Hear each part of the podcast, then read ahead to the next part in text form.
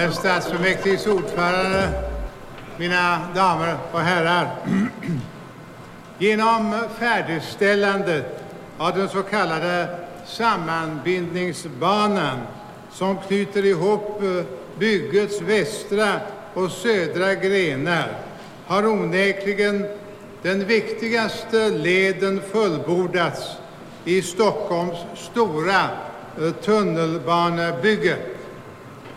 Hela tunnelbanesystemet är ju utav en storleksordning vad kostnaden beträffar som väl knappast överträffas av något annat företag i stadens historia.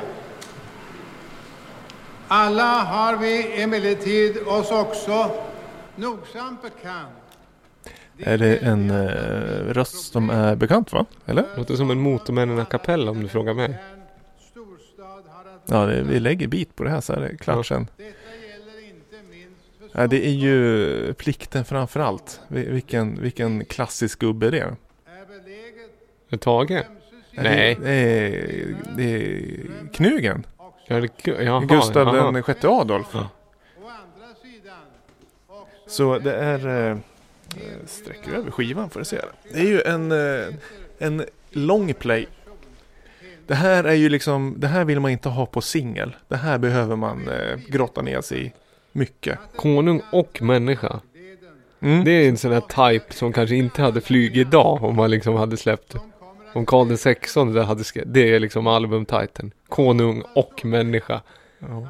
Det är ju få som kan eh, titulera sig. Ja. Både människa och konung. Om man inte är Ja. king på något annat vis då. Ja, det är ju ganska... Konung och Syborg. ja det, vad heter det? Ja men det är tal helt enkelt. Det är för nytillkomna också. Det här är ett segment som nu mer också finns utbrytet i en speciell podcast-feed. Där man kan lyssna på alla slimsmala skiva. Ja. Eh, du spelar något smalt från skivhyllan och så diskuterar vi det. Lite syftet bakom. Det här är väl ren samhällsinformation antar jag. Ja, det är ju en hel skiva med kända tal och eh, händelser från eh, kungens eh, liv. Mm. Och det vi lyssnar på nu är ju, jag tror det är invigningen av Stockholms T-bana. Ja, ja det, var, det var pompa och så att säga ståt. Det layouten är gjord av Folke Müller, inte Gert Müller. Den kända, vad heter det, holländska Sharp. Ja, riktigt bra eh, var väl att skjuta. Alltså, hette, hette han Stjärt? Ja, Gert.